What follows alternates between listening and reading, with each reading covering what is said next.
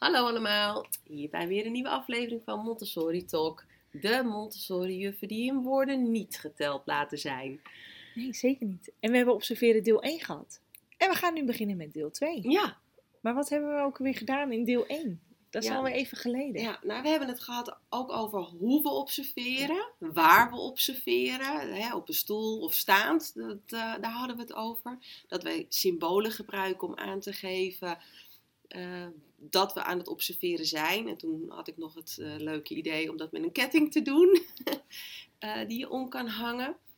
Maar ja, ondertussen zijn wij ook weer verder in ontwikkelen, verder in ehm, het ons eigen maken. Ja. En toen kwamen we ook van, ja, die symbolen die zijn leuk en goed, maar zijn die voor de kinderen of zijn die voor Zijn ze jezelf? voor ons?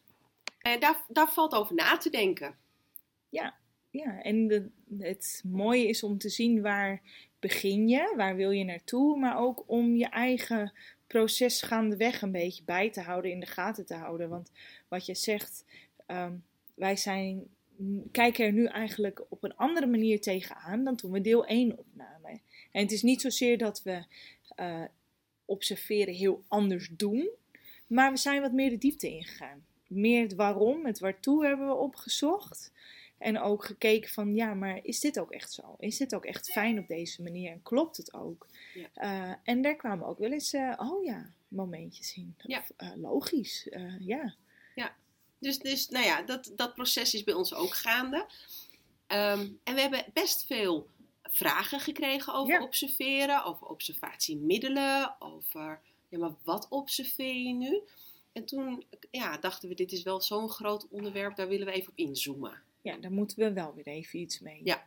En ehm, misschien bij voorbaat al, als je dit geluisterd hebt en je hebt nog steeds vragen, stuur ons gewoon een berichtje en dan eh, geven we daar antwoord op.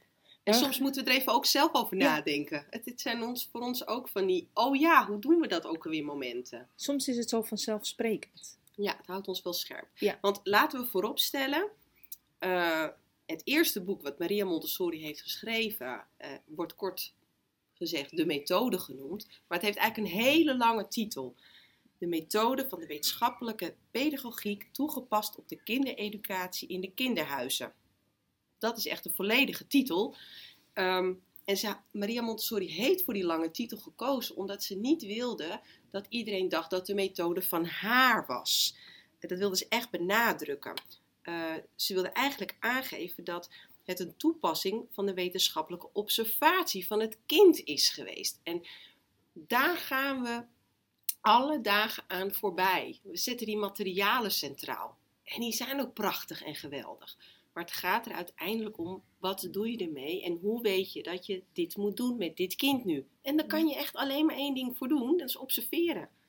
Ja, neem nou even als voorbeeld de metalen tekenfiguren. Stel, jij ziet een kind, die is daarmee aan het werk. En het is jouw doel om dat kind vandaag te gaan observeren. Specificeer je doel. Waar ga je naar kijken? Ga je kijken naar, ehm, kan het kind omgaan met het materiaal? Eh, op welke manier voert het kind de handelingen uit? Is het eh, zoals het lesje wat ik het heb gegeven?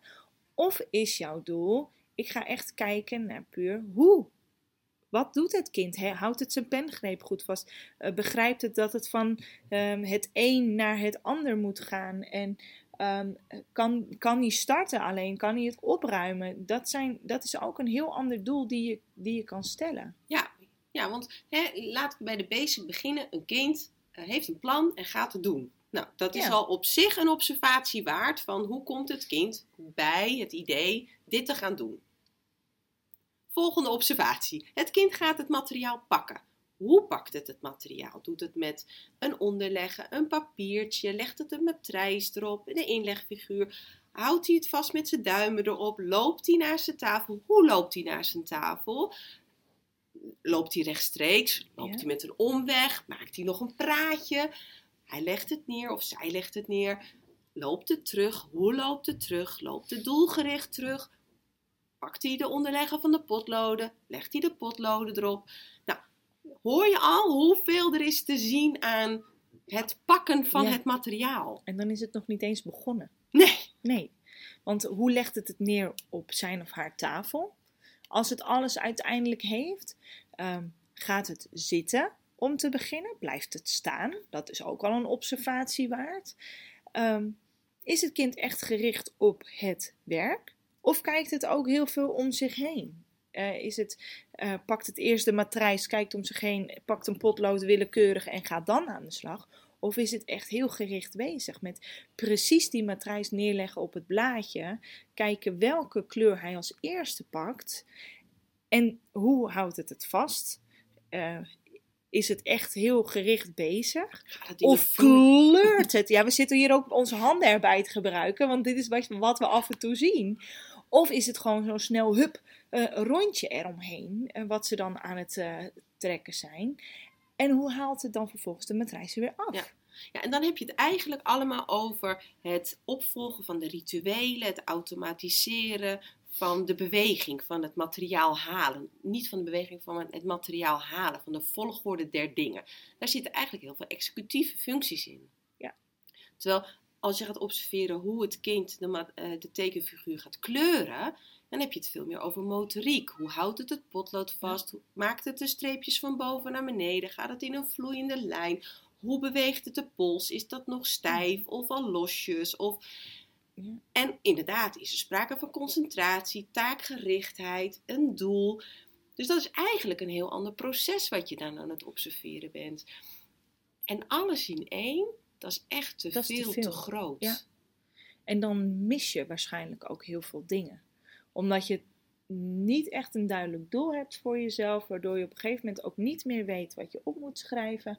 En als je dan jezelf wel achteraf die vraag stelt, dan denk je, ah, ik weet het eigenlijk niet, want daar heb ik niet op gelet. maar waar heb je dan precies op gelet? Weet je? Die vraag mag je jezelf ook best wel eens stellen. En dat hebben wij ook wel eens gedaan. Van ik heb gekeken, maar waar heb ik nou precies Nee, en wat kan ik dus met deze observatie? En als je, eh, de vraag hebben we ook gekregen, waar registreer je het?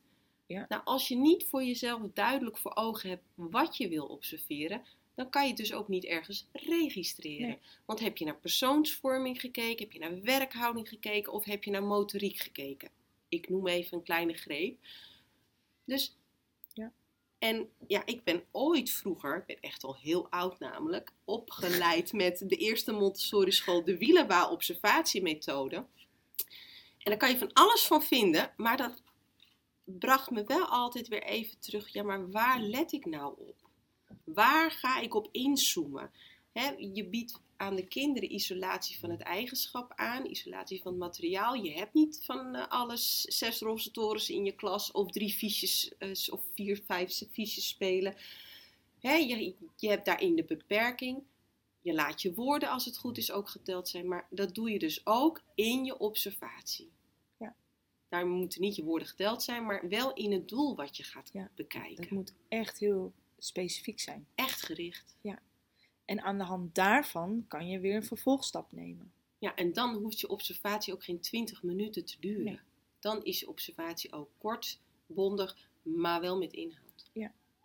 Want stel nou dat jij ziet dat de spierspanning heel zwak is, dan kan jij daar weer een actie op ondernemen.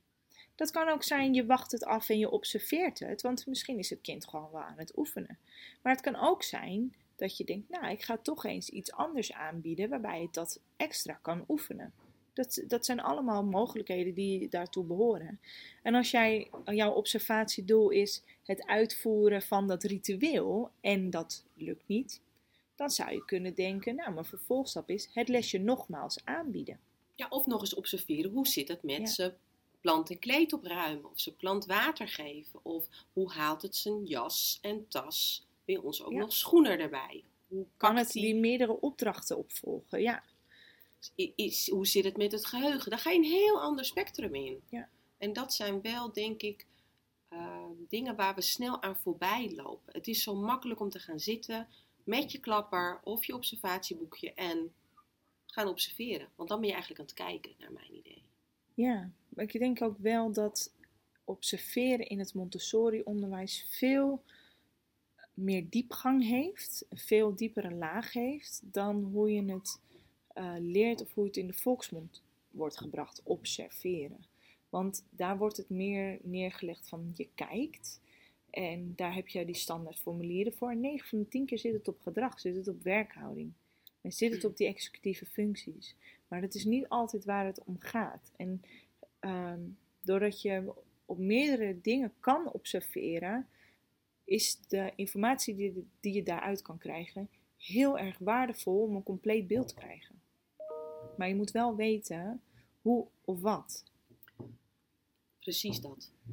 En observeren is echt zonder oordeel en uh, waardebepaling. Hè? Het is echt puur kijken, zien Ja.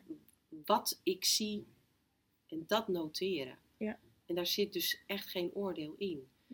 En ehm, we hebben van de week ook gezien over het 100-bord. En eh, dan kan je heel makkelijk de conclusie trekken. Nou, dit kind kan het 100-bord. Nee, het kind kan een vierkant maken tot en met 100. Ja. En dat is weer iets anders dan tellen in een rechte lijn tot 100 of akoestisch tellen. Of, dus pas ook op met je interpretatie.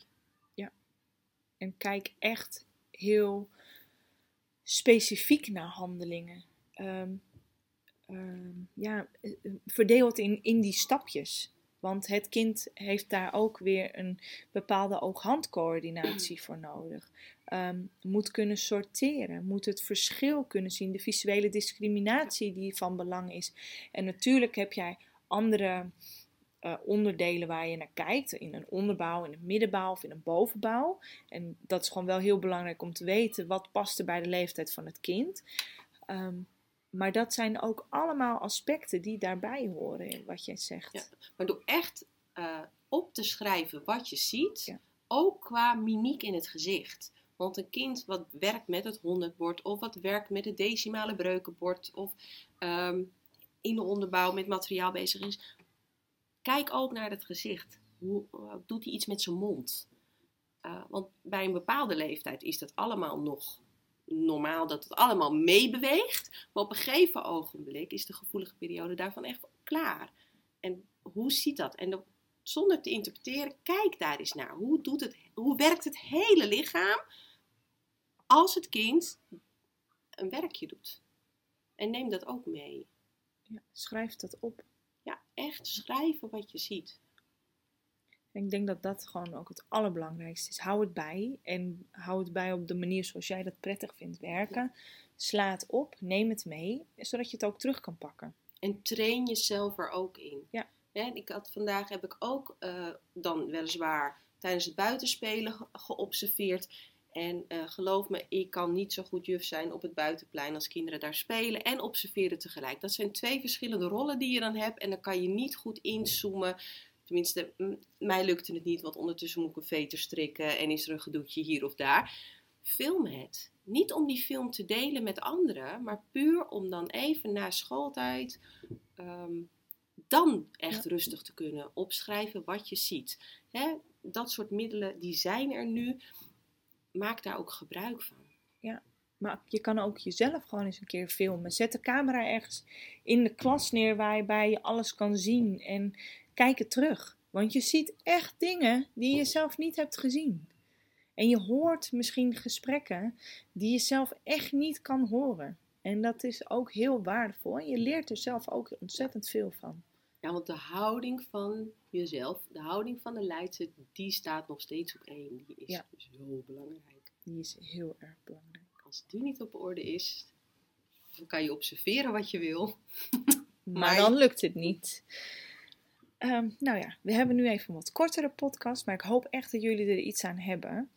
Ehm, mocht je nog vragen hebben, mocht je nog denken, nou, ik, dit wil ik observeren, maar ik heb echt geen idee hoe. Hoe moet ik dit categoriseren? Hoe moet ik dit gaan opdelen?